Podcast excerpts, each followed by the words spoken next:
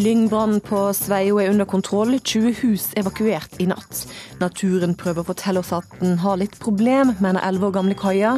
Vi råd til klimahjems. Høyre-ordfører langer ut mot egen regjering sitt ja til reservasjonsrett for leger. Men abortmotstander takker Erna Solberg og håper hun vil gå enda lengre. Har du holdt et foster innenfor første trimester i handa di? Ja, nei. nei. Har du sett det med egne øyne? Nei, men- nei, det har jeg.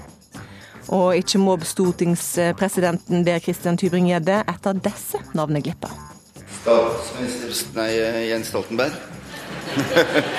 Neste tilleggsspørsmål er fra Trygve Slagsvold Vedum. Takk for det, president. Arbeiderpartiet mobber ingen, svarer Martin Kolberg. Du hører på Ukeslutt i NRK P1 og P2. Jeg heter Sara Victoria Rygg, og vi starter sendinga med siste nytt. Eli Bjelland. Ja, Vi starter i Thailand, der stemninga er spent før valget på ny nasjonalforsamling i morgen. Flere mennesker er såra etter at det i dag brøt ut kamper mellom tilhengere og motstandere av regjeringa i hovedstaden Bangkok, ifølge journalister på staden. Det er meldt om både eksplosjoner og skyting. Opposisjonen har kravd valget i morgen utsatt, men regjeringa har avvist dette. En person er kritisk skadd etter å ha kjørt inn i en tunnelvegg på E18 i Lier i Buskerud i ettermiddag. Ulykka skjedde i sørgående løp i Fosskolltunnelen. Flere biler kjørte inn i hverandre etter ulykka. Blant annet ble en ambulanse påkjørt. Ingen personer skal ha blitt skadde i denne sammenstøyten. Fosskolltunnelen er nå stengt i sørgående retning mot Drammen. Og Det er altså fremdeles stor lyng- og skogbrannfare flere steder i landet. I Sveio i Hordaland brant en nedlagt skole ned til grunnen i dag tidlig. Brannen spredde seg til terrenget rundt, og politiet evakuerte 20 bosteder i nærleiken.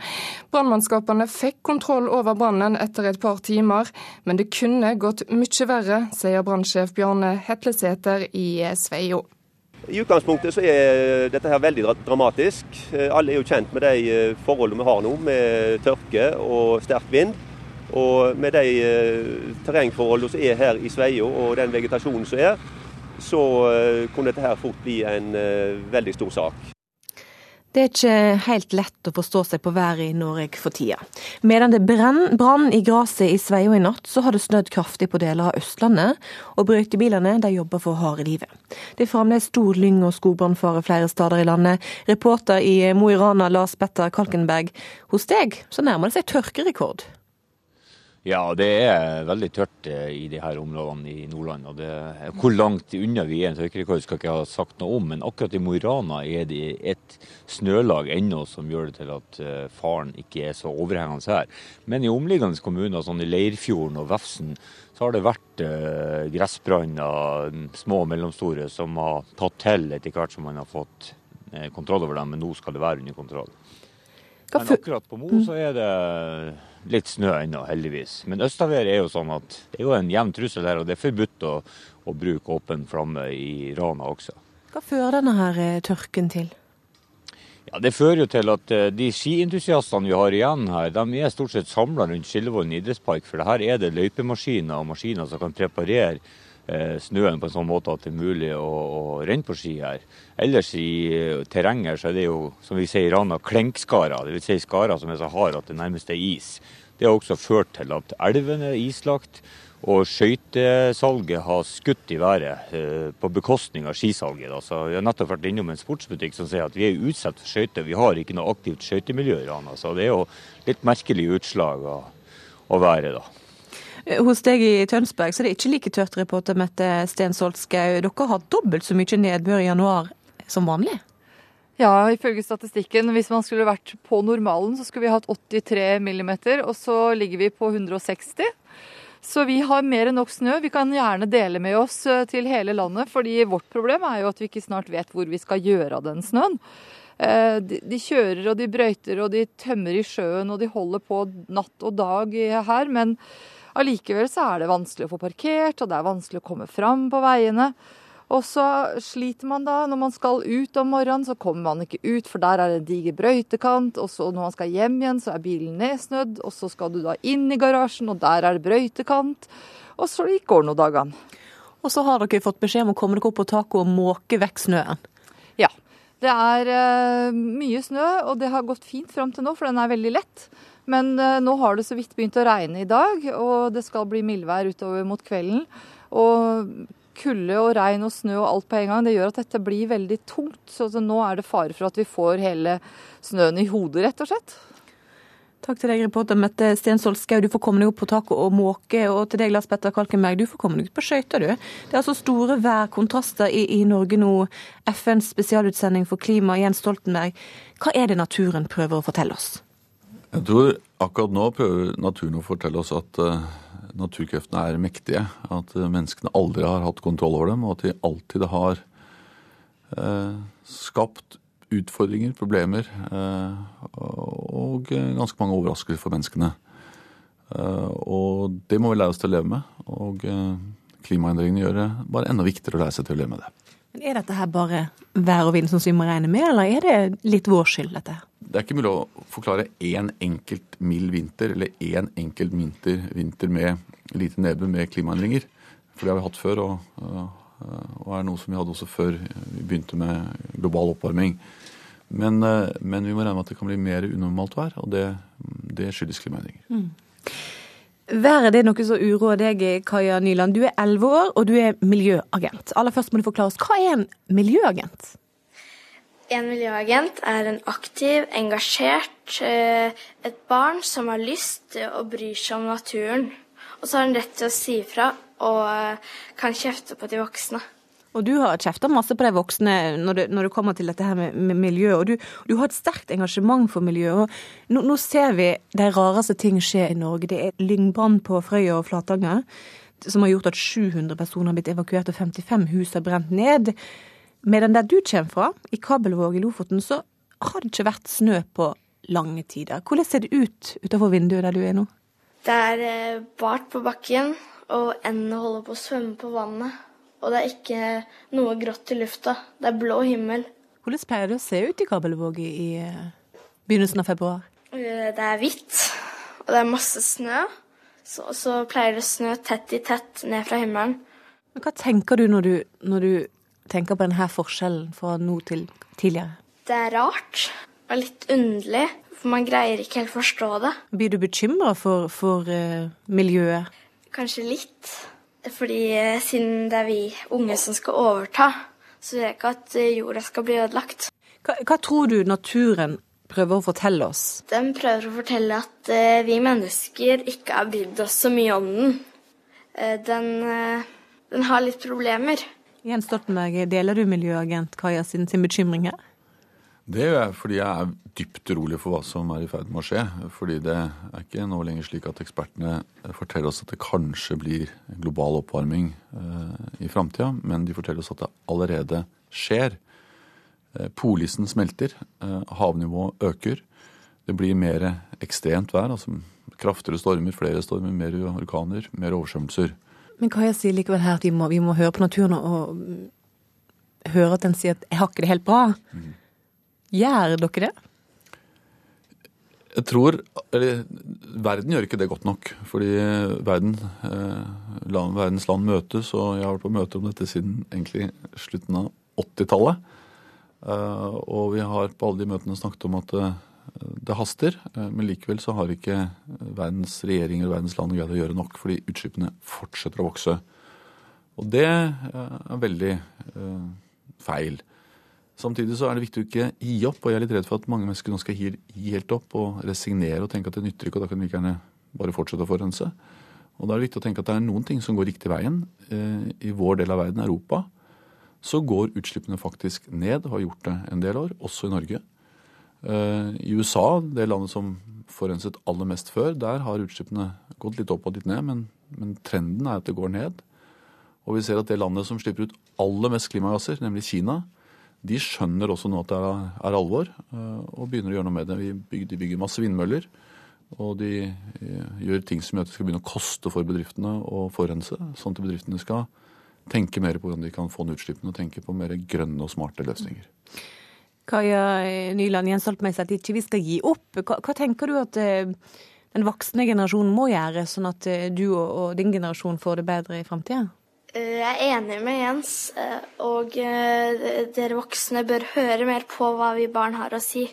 Vi kan veldig mye, vi også.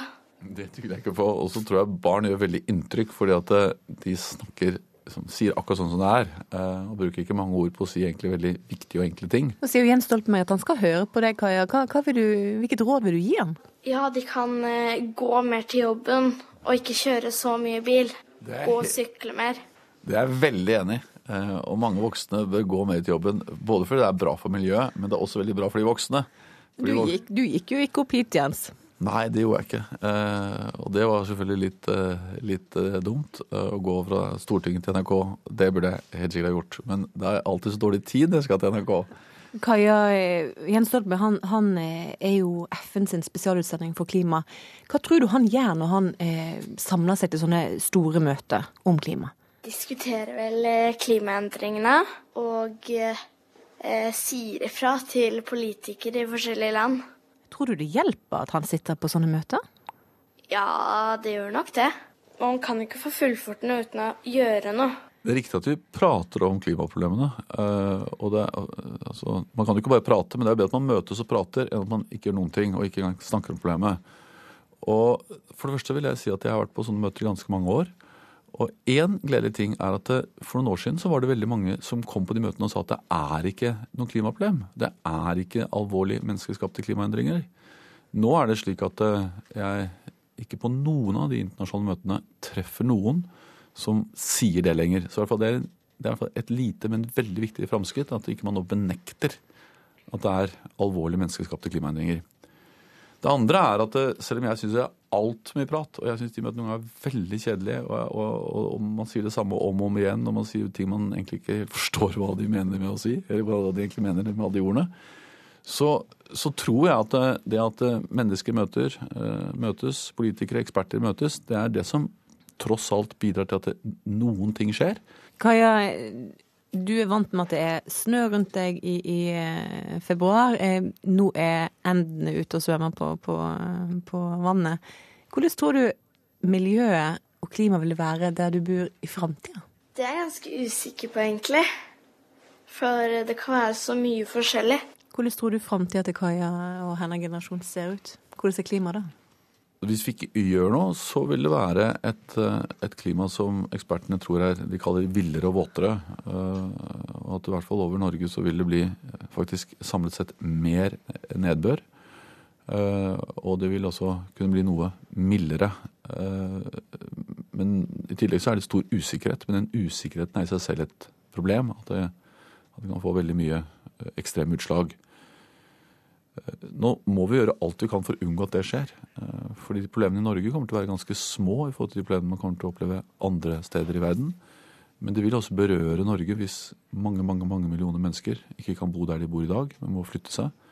Da vet vi at det kan føre til store flyktningproblemer. Det kan føre til kriger, det kan føre til andre alvorlige problemer. Sånn at vi, også vi i Norge, som kanskje ikke rammes aller mest, må være veldig opptatt av å gjøre noe med de utslippene som fører til global oppvarming. Eh, Og det som er viktig da, er jo at eh, vi unge kan være med, være med og få oss jobber så vi kan utvikle mer miljøvennlige ting og miljøvennlige stoffer. Men heldigvis så har vi sett at det har vi greid øh, veldig ofte. Uh, når jeg var ung, så var det sånne ting som noe som het sur nedbør, svovel, som kom ut fra fa fabrikkpipene, som vi alle var veldig redde for. De drepte fisken i elvene våre og sånn. Det problemet har vi nesten løst helt. Så de fleste miljøproblemer verden har hatt, har vi greid å løse. Men det er et veldig stort problem vi ikke har greid å løse, og det er klimaproblemet. Men hvis vi nå alle sammen går løs på det og bruker ingeniører og, prof og professorer og flinke mennesker til å finne på nye, smarte ting, så er jeg sikker på at vi kan leve gode liv og reise og bo i fine hus og mye, drive PC-er og ha lys i huset og ha det veldig bra. Og likevel få ned utslippene. Og det er det, vi, det, er det som er viktig, at man jobber med å tro på kunnskap. Det er viktig også her. Tror du vi klarer det, Kaja? Ja, hvis alle samarbeider og vi blir enige med de andre landene, så kan vi få det til. Og neste gang du møtes på et stort klimamøte, så tar du med rådet fra Kaja. Kjør mindre bil, og hør på, det på barna. Det skal jeg gjøre. Takk skal du ha, Jens Stoltenberg, og takk til deg, Kaja Nyland. For andre veka på rad så har altså Norge vært prega av brann. I natt så brann det på Sveio. Tidligere i veka så brann det på Flatanger og i Nord-Trøndelag og på Frøya i Sør-Trøndelag. Ukeslutt sin reporter Marit Gjelland hun møtte Emil Johannessen, som var med på å kjempe mot flammene både på Flatanger og eh, på Frøya fra helikopter. Det, det, blir, det blir, svart. Eh, hvis jeg treffer godt, så, ser, så, er det ikke noe røyk i hele tatt. Men eh, Og så ser vi noen steder at det er litt sånn små, eller småbål eller smårøyk da, som er igjen. Og da flyr vi gjerne over, og så etterslukker det på en måte, da.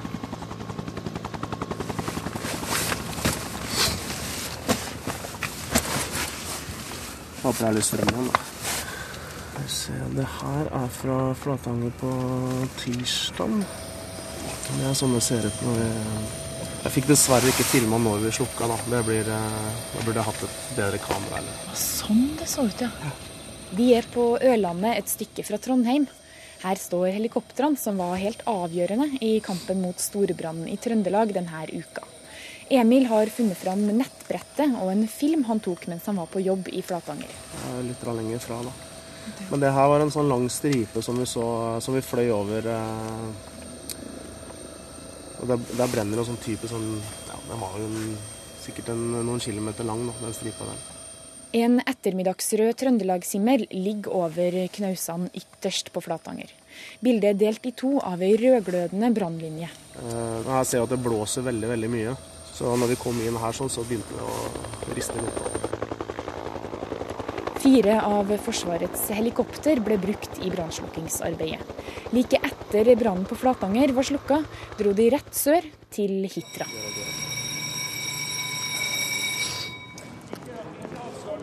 Døra i Forsvarets helikopterhall på Ørlandet glir sakte opp.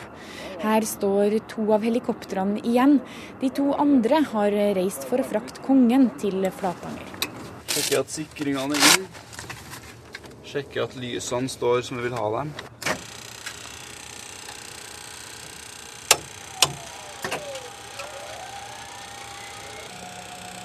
Pilot Stian Kvål og navigatør Tommy Ronny Fosslund kom til Ørlandet fra Bardufoss på fredag.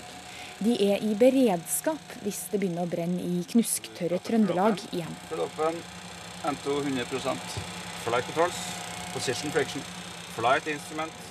Vi kom i går kveld for å avlaste, stå her på beredskap nå. Vi blir vel her eh, antageligvis ei uke. Og for beredskap da altså? Ja, det, er det er jo knusktørt. Så vi blir her egentlig så lenge vi får beskjed om å bli. Hvordan, hva gjør dere i de, de timene dere venter? Vi må jo egentlig bare slappe av, holde oss forberedt. Ja. Passe på at hvis noe skjer, så er vi sånn at vi kan fly. Det er dumt å ut og fly hvis du allerede har slitt deg ut på ikke gjøre noe. Vi har redding 176 cage standby attitude. Samme viser på min side. Radar setter til 40 testedøgn.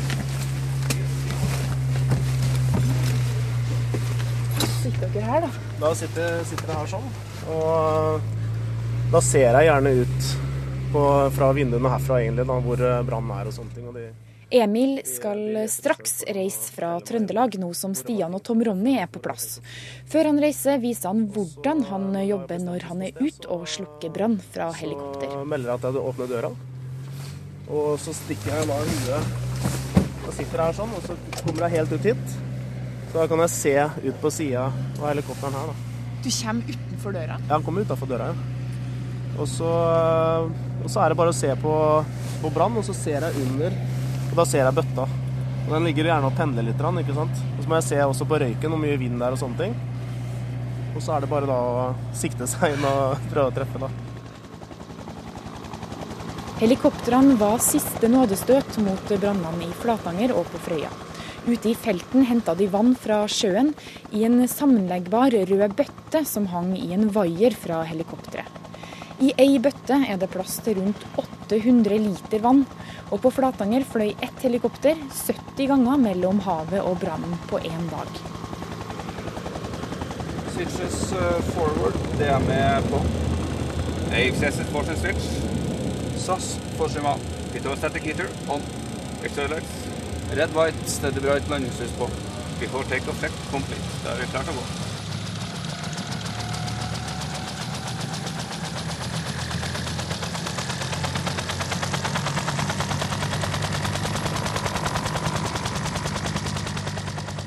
Ikke mobb stortingspresidenten, det sier Frp sin Christian Tybring-Gjedde etter at Olemic Thommessen flere ganger har forsnakka seg i stortingssalen. For det er ikke alltid like lett å holde tunga rett i munnen.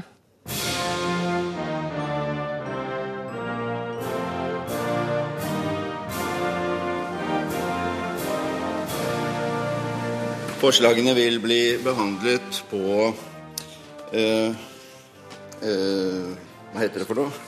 Forskriftsmessig måte. Statsminister Nei, Jens Stoltenberg. Neste tilleggsspørsmål er fra Trygve Slagsvold Vedum. Takk for det, president. En av de som har reagert, det er Rigmor Aasrud fra Arbeiderpartiet. Hun sa dette her litt tidligere i veka. Nei, Det har jo vært veldig mye surr i spørretimen. og Nå forventer jeg at uh, stortingspresidenten har uh, brukt de 100 dagene han har vært president godt, sånn at vi kan få lov å gjennomføre spørretimen på en ålreit uh, måte. Kristian Tybring-Gjedde fra Frp, du mener at Arbeiderpartiet mobber Olemic Thommessen. Hvorfor mener du at de gjør det? Jo, disse små ordglippene han har hatt, mener jeg er en slags sjarmerende rolle han løser presidentjobben på. Og, og, det er jo ikke mulig for han å forbedre seg på dette. Det er et helt vanlig glipp som ikke en påpekning vil gjøre det bedre for han. Vi har jo hørt at han har forsnakka seg et par ganger, og det er vanskelig å ikke dra litt på smilebåndet når han hører de feilene han har gjort. Han lo jo til og med sjøl av det. Hvorfor kaller du noe så ja, dramatisk som mobbing? Nei, altså jeg syns jo det at uh, altså verken min uh, motdebattant uh, Martin Kolberg eller jeg er noen sjarmtroll. og jeg syns faktisk at det som Olemic Thommessen gjør, det syns jeg faktisk skaper litt liv i stortingssalen. Og det gjør da overhodet ingenting. Og det er i hvert fall ikke partipolitikk det han driver med, for han gjør jo feil på ulike partier og sånn, så jeg syns ikke det er nødvendig å påpeke i det hele tatt. Vi får håpe at det forsvinner etter hvert, men allikevel så syns ikke jeg det gjør noen ting. Vi har spurt Olemic Thommessen om han ville være med her i Ukeslutt i dag. Det, det, ønsker han ikke. Martin Kolberg, stortingsrepresentant for Arbeiderpartiet. Du mener kritikken om at uh, dere mobber stortingspresidenten, den er helt usaklig. Hvorfor det?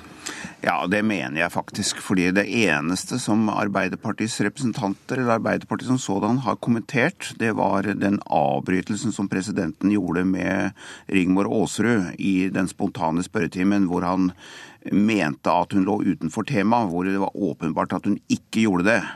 Og Det er det eneste som har vært kommentert fra vår side. Ellers har ikke vi overhodet sagt noe om hans feilsnakking. Der er jeg helt enig i det som Tybring-Gjedde sier. Jeg syns ikke dette er noen sak overhodet. Jeg vil for min del overhodet ikke delta i noe kritikk av presidenten. Han har noen feilsnakkinger, og jeg regner uten videre med at når presidenten fra presidentplassen i Stortinget sier Trygve Slagsmål Vedum, så er det en snakkefeil. Det ikke, det hadde det vært bevisst, et bevisst bruk av ord, så hadde det vært kritikkverdig.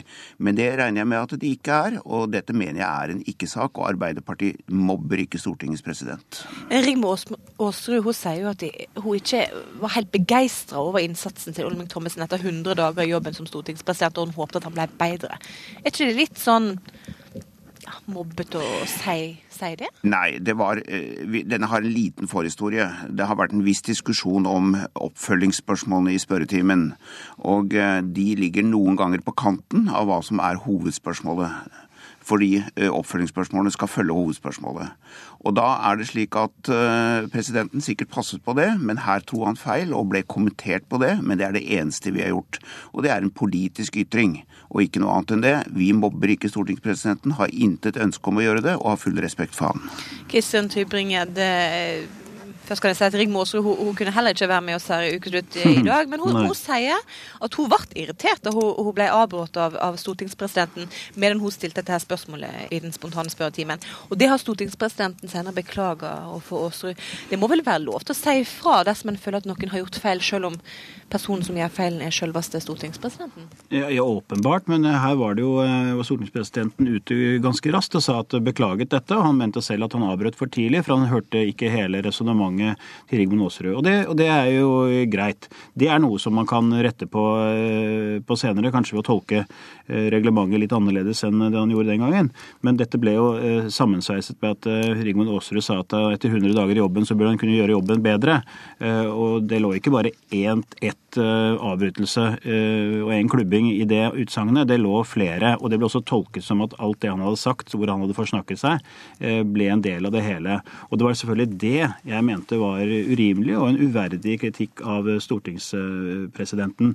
Og så mener jeg også at Rigmor Aasrud og Martin Kolberg for så vidt også skulle være mer opptatt av hvordan stortingsrepresentantene faktisk har respekt for stortingssalen, både når det gjelder klesstil, men kanskje også i fremtiden bruk av mobil og, og, og iPad osv. Det mener jeg kanskje er en bedre sak å diskutere, og en mer prinsipiell sak. Er Arbeiderpartiet dårligere på det enn andre partier? Nei, det eh, tror jeg ikke. Men vi har sett uh, enkelte representanter fra ulike partier, men uh, i stor grad de som ligger på venstresiden og lenger til venstre enn Arbeiderpartiet, som ofte går uten slips. Og, det mener jeg er en uting. Jeg syns faktisk at man skal vise respekt for stortingssalen, og da syns jeg det er naturlig at menn går med slips. Uten slips, Martin Kolberg, det er vel aldri du? Nei, det er jeg ikke. I hvert fall ikke i stortingssalen. Men, men jeg mener at stortingsrepresentantene våre, både kvinner og menn, er alminnelig pent kledd. Og jeg syns ikke at vi skal begynne å starte en debatt om dette. Det ligger godt innenfor rammen. Eh, alles opptreden i salen. Det som jeg kan være enig med Tybring-Gjedde i, det er f.eks. bruken av telefonene og iPaden eh, også i stortingssalen. Men det får bli en diskusjon utenfor dette. Eh, jeg syns ikke at det er et argument som Tybring-Gjedde kan bruke i den aktuelle sammenhengen. Dette handlet om stortingspresidentens utførelse av jobben, og jeg understreker Arbeiderpartiet mobber ikke han. Vi har full respekt for stortingspresidenten, og vi har ingen grunn til å kritisere hans for hans feilsnakking. Akkurat det programmet du lytter til, ukeslutt i NRK P1 og P2. Og det må du bare holde fram med, for da får du høre at Facebook feirer ti år. Godt nettverket ikke eksisterte da sønnen min var liten. Ellers hadde jeg gått glipp av hans første skritt, sier entusiast. Jeg forholder meg til Facebook som jeg gjør til ananasjus, altså ikke, svarer skeptiker. Og Einar Gelius fikk nei på søknad om prestestilling trass fakkeltog og stor entusiasme. Vi skulle nok klart å holde den i ørene, sier innbyggerne i Ibestad. Diskusjonen om reservasjonsrett for leger har blitt en hodepine for Erna Solberg. For ikke bare møter forslaget om å la fastleger reservere seg mot å henvise til abort, motstand fra opposisjonen. Også Høyre sine egne politikere er kritiske, blant dem ordfører i Oslo, Fabian Stang. Jeg kan ikke akseptere at uh, leger som lever av offentlige tilskudd, ikke gir kvinner den eh, behandling som de har krav på. Men for noen er forslaget gode nyheter. Reporter Gry Veiby traff abortmotstander Einar Bryn. Vær så god. Har du, har du, ro til at vi kunne ta, drikke en kopp kaffe litt, og så begynner ja, vi med en gang? Det kan vi gjøre. Ja. Jeg står i en lun stue med utsikt over fjorden. Kaffe og kringle på hekleduken, og foran meg Einar Bryn, grå lugg, bestefar til to. Det er en bok som heter vet du, 'Først en kopp kaffe'. Jeg har en bok som heter ja. Bryn er prest i menigheten til Ludvig Nessa, abortmotstanderen som er kjent for å ta svært sterke virkemidler i bruk.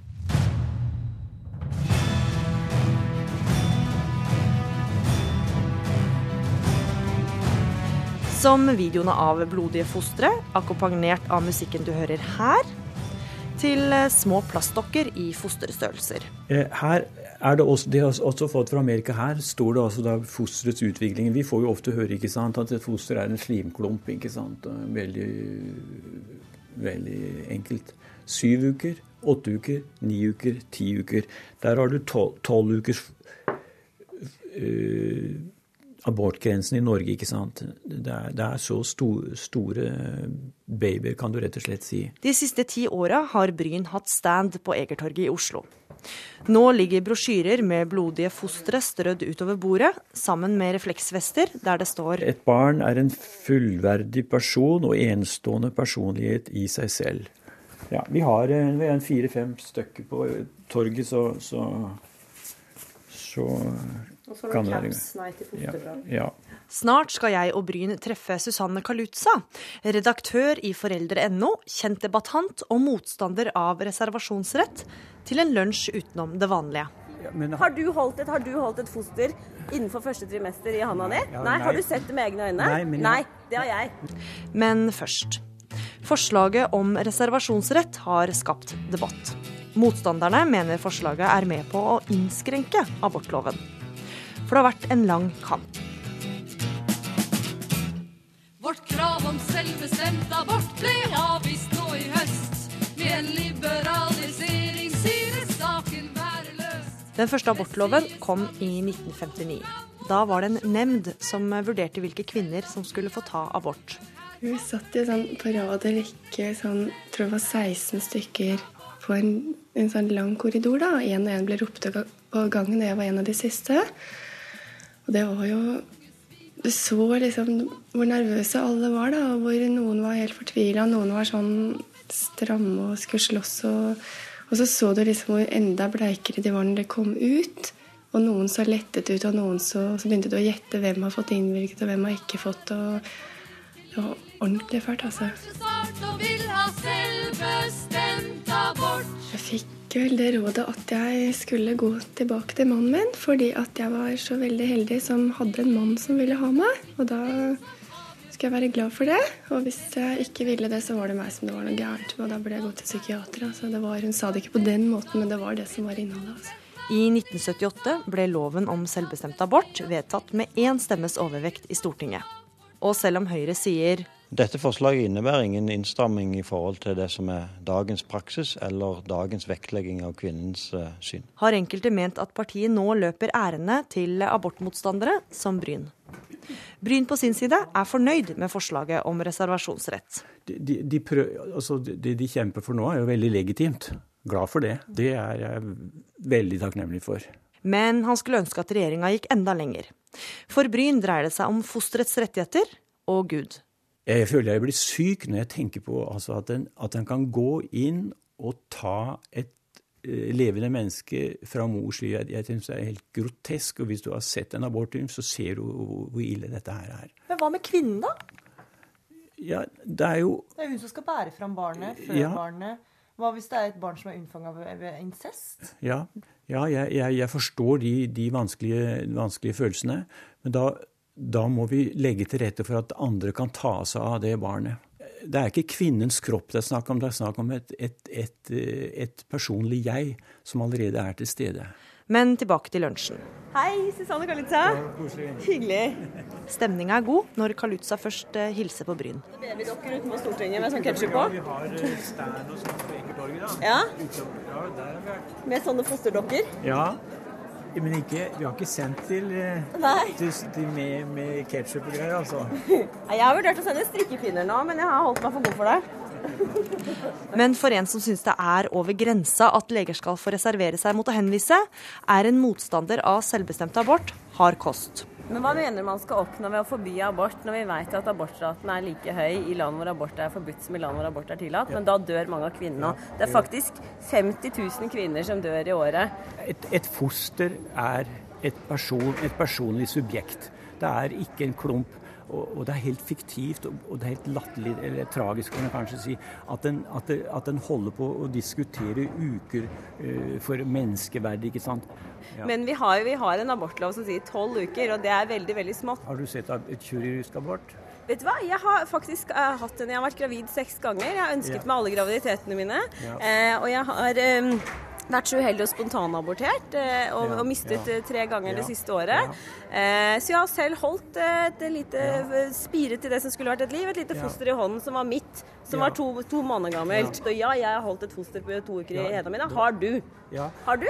Ja, men, Har du, holdt et, har du holdt et foster innenfor første trimester i handa di? Ja, nei. nei. Har du sett det med egne øyne? Nei, men- det har jeg. Nei, men jeg, jeg, jeg spurte om du hadde sett et kirurgisk sportangrep. Du spurte om det, dette var svineri. Hvis du har sett det, så, vil, så vil du kalle det det med det rette navnet Hvor du parterer delene av et foster. Vet du hva? I uke tolv så er det så lite at det er det ikke snakk om. Jeg har jo sjøl holdt i handa mi. Det har ikke du. Nei, men jeg har, vi har disse dokkene som er ti uker gamle. Det De er, ikke, de er ikke så store når de er ti Nei, uker gamle, sånn, kan jeg er bare sånn, fortelle de er deg. sånn, de er sånn. Ja. Armer og bein og alt er på plass. ikke sant? Men én ting er de begge skjønt enige om. Både vi som er for selvbestemt abort, og de som Einar som er mot, kaller jo en spade for en spade. Dette er abortkamp. Dette er, eh, dette er et, et forsøk på, på å gjøre det litt vanskeligere for kvinner å ta, ta abort. Og Einar nikker, nikker her.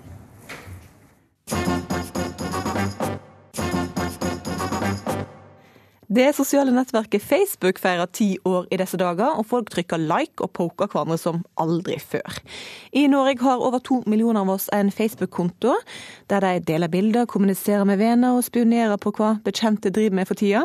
Elisabeth Norheim, du er Facebook-entusiast og sjølnevnt eh, Facebook-dronning. For, for eh, anledningen har du krone på hodet for å feire bursdagsbarnet. Jeg feirer. Hva er det som er så bra med, med dette sosiale nettverket? Du, vet du hva? Facebook er, eh, uten at jeg har fått barn, så er det det beste som har skjedd meg noensinne. Og jeg er 41 år. Dette er høydepunktet de ti siste årene. Eller syv, som jeg har vært på Facebook. Facebook er livet sjøl, faktisk. Egon Holstad, kommentator i avisa Nordlys og Facebook-skeptiker. Går du glipp av selve livet når ikke du er på Facebook?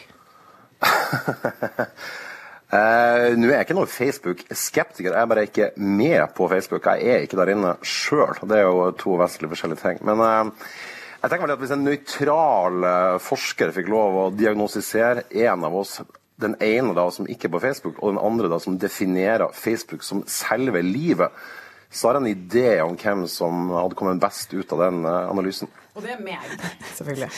Vi kommer straks tilbake til dere to, men først skal vi møte Diana. Hun er 82 år, og hun fikk hjelp av reporter Aksel Wilhelm Due til å logge seg på Facebook for aller første gang. Ja, jeg heter Diana Monteverde Håkonsen og er 82, ble 83 i mai. Og er helt ukjent med Facebook og lignende saker. Men skal vi begynne med å registrere deg? Ja. ja hjemsted er ikke Ghana, det er Oslo nå. Ja, da skriver Men det var den gangen. Og så fødselsdag. Å ja, der, ja. Uh, 1931. Og så trykke på den der 'Finn venner'. Å oh, ja, jeg hadde glemt henne, ja. Hvem er det, da? Det er mitt barnebarn. Ja. Men eh, skal, skal du sende en invitasjon til henne? Ja, det er bare det hun er, hun er på jobb, men det, det gjør jo ikke noe. Nei. For det kommer på Det kommer bare når hun ser det, på en måte. Og så må du velge deg et profilbilde. eh, Hvordan da? Da kan jeg ta et bilde av deg, f.eks., og så legger vi det inn. OK. Vi skal komme tilbake til Diana om litt og høre hvordan det gikk med hennes sosiale medier-debut, Facebook-entusiast Elisabeth Norheim. Mange bruker Facebook til å dele bilder, prate med venner, finne tilbake til venner som kanskje de hadde glemt at de hadde. Du har fylt frysen med bakst takket være Facebook. Ja, det har jeg. Jeg er ekstremt eh, dårlig til å lage mat og bake, og jeg har til og med bedt Hellstrøm å komme hjem og rydde opp, men det gadd han ikke. Så da skrev jeg melding på Facebook og spurte om at i 2014 vi kunne bytte tjenester. Um, og da spurte jeg om folk kunne hjelpe meg med å bake. Og da fikk jeg Det kom tre forskjellige damer innen ei uke på døra mi med en bærepose med sånn horn med ost og skinke i, og brød og alt mulig. Og så Jeg fikk til og med meldinger fra liksom Senja, der de spurte om det var greit å sende bakst i posten til meg. Så dette funker sykt bra. Egon Holstad, du hører jo her hva du går glipp av. Både bakst og, og all mulig type informasjon. Jeg er veldig veldig dypt deprimert for at ikke folk, frem, masse fremmede mennesker kommer hjem til meg med horn. fremmede, Egon. Det er et uh, lodd i livet jeg ikke har tenkt på før akkurat uh, nå. Uh, nei, altså Som jeg sa innledningsvis, så, så har jeg ikke noe problem med at andre er på Facebook. Det er Folk må få lov å være hvor de vil, og være på Snapchat og Instagram og hva det nå er, LinkedIn og hva det nå heter, alle de her forskjellige sosiale mediene. Men uh, det som forundrer meg veldig sånn, i møte med folk som er på Facebook, for de møter jeg jo hele tida rundt meg, ikke minst på, på jobb, det er at det er nesten sånn her sekterisk mentalitet som går ut på at du, du må også på Facebook. Eh, og jeg er i hvert fall sånn vokst opp med, med noen foreldre som sa at eh, hvis liksom alle i et rom roper halleluja, så skal du alltid ta et steg tilbake og tenke deg litt om før du sjøl løfter hendene i været og roper det samme. Og jeg har litt den følelsen her med, med Facebook. Det er noe sånn det er nesten noe sånn nyreligiøst ved sånn folk som akkurat har komme på Facebook, som syns det er helt fantastisk å få endelig få møte folk fra, fra barneskolen de ikke har snakka med på, på 35-40 år. Og der tenker jeg at For all del, flott for dem som vil det, men samtidig så forbeholder jeg retten til å tenke at de jeg ikke har hatt noe kontakt med på 30 år, det er kanskje en grunn til at vi ikke har savna hverandre, og, og at vi da kan få lov å leve, leve livet vårt i fred etter det. Men det som jeg synes er litt gøy med det du sier, Egon, er bare at du er jo på Twitter. Og der eh, har du Apropos det du snakker om, er sex. Du følger 666. Du følger 666 stykker på Twitter. Så eh, apropos sex, er kanskje det rele- relevant, da. Men jeg skjønner ikke hva som er forskjellen. Kjenner du alle de 666 du følger på Twitter, bedre enn jeg kjenner de folkene som Er det ikke noen random folk du følger der, da? din, eh, nå har jeg vært på din Facebook-konto, og Twitter var noe jeg var nødt til. Jeg fikk valget mellom å gå og, være, altså, og registrere meg da enten på Twitter eller på Facebook når jeg ble fast ansatt på Nordlys for halvannet år siden. Så jeg var interessert i fast jobb, så valgte jeg da ett av to onder. Eh, og da, så, da gikk jeg inn og sjekka de her to forskjellige sosiale mediene, så så at Facebook opererer med begrepet venner.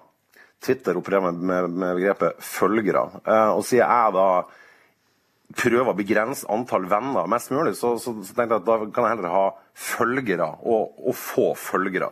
Det er noe mer sånn ryddig og renhårig ved det enn å ha det Det er bare tull, Egon. Fordi at på- Du snakker om fotball, du snakker om rettskrivning, du snakker om musikk. Du snakker om alt mulig rart på den Twitter-kontoen. Er Og du deler artige bilder du har funnet på internett. Det er ingen forskjell fra det vi drev på med på Facebook. Og det er liksom, det er, over, det er fem millioner mennesker som bor i Norge, og det er over tre millioner som har en Facebook-konto. Det er som at du som musikkjournalist skulle synes at kassett var stilig.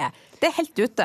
Jeg syns jo vinyl er stilig. Jeg synes det er mye stiligere enn MP3. Så det er, så det er spot on, den kommentaren din der. Og jeg, har, ikke- jeg har ikke gjort noe forsøk på, på, å si at, på å si at Facebook er teit. Jeg sier bare at jeg har ikke lyst til å være der. Og det er en sånn Altså Mitt forhold til Facebook er det samme som mitt forhold til ananasjus. Jeg vet at det er der ute. Jeg lar bare være å benytte meg av det. Men Elisabeth Norheim, vi, vi er jo blitt litt sånn hekta på Facebook, som, som Egon Holstad her sier. Det, det, hvis ikke en nyhet er kommet ut på Facebook, ja, da er ikke hun venninna gravid, eller eh, de har ikke gifta seg, eller de har ikke gjort det slutt. De er vi blitt avhengige. Ja, folk, men, men greia er at Facebook har faktisk blitt mer sånn forskjellen på fasttelefon og mobil. Fordi at jeg bruker faktisk Facebook like mye til jobb. Jeg bruker det til å chatte med folk. Jeg, brukte, jeg jobba som journalist i ti år. Jeg fant ekstremt mye tips og saker og kilder og sånn der inne. Det er veldig mange som bruker det jobbrelatert. Hvis jeg skal på ferie, jeg skal til Sri Lanka og på roadtrip i USA, da legger jeg ut en melding der. Har folk noen kule tips og bla, bla. Så det handler ikke bare om liksom å få gratis horn på døra. Det er liksom et researchmiddel da. Um, sånn at, og det er veldig mange som bruker det jobbrelatert, så sånn sett så er det liksom bare sånn Det er bare tull når folk begynner å snakke om at det handler om at du skal vise bilder av de stygge ungene eller fine teppet ditt, liksom. For det handler om veldig, veldig mye mer. Når over halvparten av norske befolkninga er der, så kan man ikke liksom late som at det er noe, bare noe artig som man driver på med for tull. Men Egon, hvordan får du med deg at eh, kompisen din har gjort det slutt med dama, eller eh, har fått seg ny hund, eller den slags? Nei, altså hvis jeg, hvis jeg, hvis jeg har en kompis som blir slutt med damer på, og jeg er nødt til å være på Facebook for å finne det ut, så tenker jeg at begrepet kompis er strukket ganske langt. Da håper jeg at jeg får det med meg i det virkelige, analoge, ordentlige fysiske livet der ute, som jeg også syns er litt, litt OK. da. Men men det, det er jo ikke noe sånn det er jo ikke noe galt i det, det har jeg jo aldri hevda. Men jeg, jeg syns det er merkelig at, at f.eks. Eh, mer eller mindre hele det norske medievesenet eh, lar seg lar seg bli så prega av en amerikansk børsnotert aktør som Facebook, som setter egne grenser for, for etikk og for sensur, og at vi da bare svelger det her fullstendig ukritisk ned, som om det var en sånn gladsak skjenka til oss fra oven. For det, det er så naivt tillater meg å ikke være da. Vi skal, vi skal høre hvordan det går med Diana på 82 år, om hun er naivt møte med Facebook, eller om hun er skeptisk. Nå har hun også fått hjelp til å legge ut bilde, og, og, og hun har oppdatert statusen sin. Hør her. Og nå ser du, nå har du fått to varsler. Å, er det farlig? Nei, Uh. det er to ting som har skjedd. ja vel. Så nå skal vi se hva som har skjedd, da. Eh, Thea har godtatt venneforespørselen din, Ja. og så har hun kommentert noe på programmet ditt for i dag. Ja. Vil du lese hva som står? ja, høres ut som en fin dag, nonna. Nonna det bestemor på italiensk. Ja, ok. Det er litt gøy. Så hun liker. Ja vel. OK. Nå har du fått én venn og én kommentar i løpet av to minutter. Det Det var fantastisk. Så det vil si at hun sitter der istedenfor å være på skolen. Men eh, kommer du til å fortsette, tror du? Ja, jeg tror det. Ikke akkurat sånn hvert øyeblikk, men av nysgjerrighet så tror jeg nok at jeg skal prøve. Ja. Men hvilke kommunikasjonsmidler kommer du til å bruke mest framover? Det er fremdeles telefon. Og brev. Jeg liker å skrive.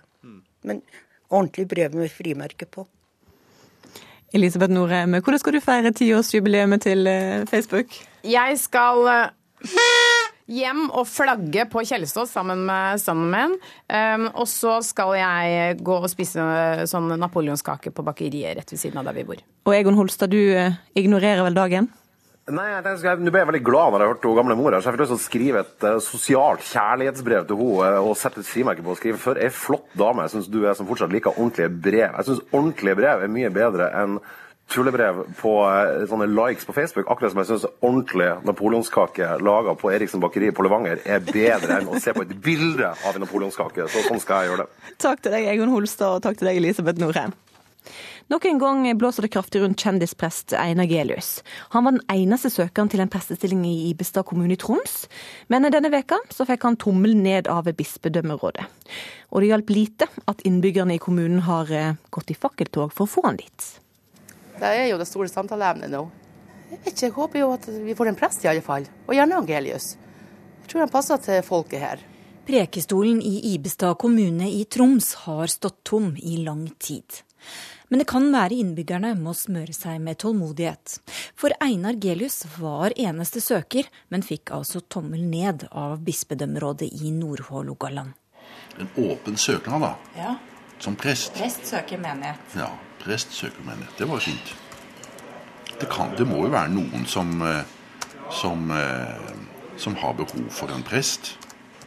Hallo, du. Du er fremdeles der, altså? Ja. Du har ikke sluttet ennå? Nei da. Det er ikke så lett. Vi er på gamle trakter på Kafé Eno på Vålerenga i Oslo. Skal vi se, det var to rundstykk? Ja, også den der. Rolf Isaksen bak disken har også fått med seg at Gelius ikke fikk jobben i Ibestad. Helt sykt. Syns jeg. Alle på ja. Hvorfor det, da? Jo, han er menneskelig. Han er lik oss alle andre. Han sitter ikke der oppe og liksom med pekefingeren og sier nei, nei.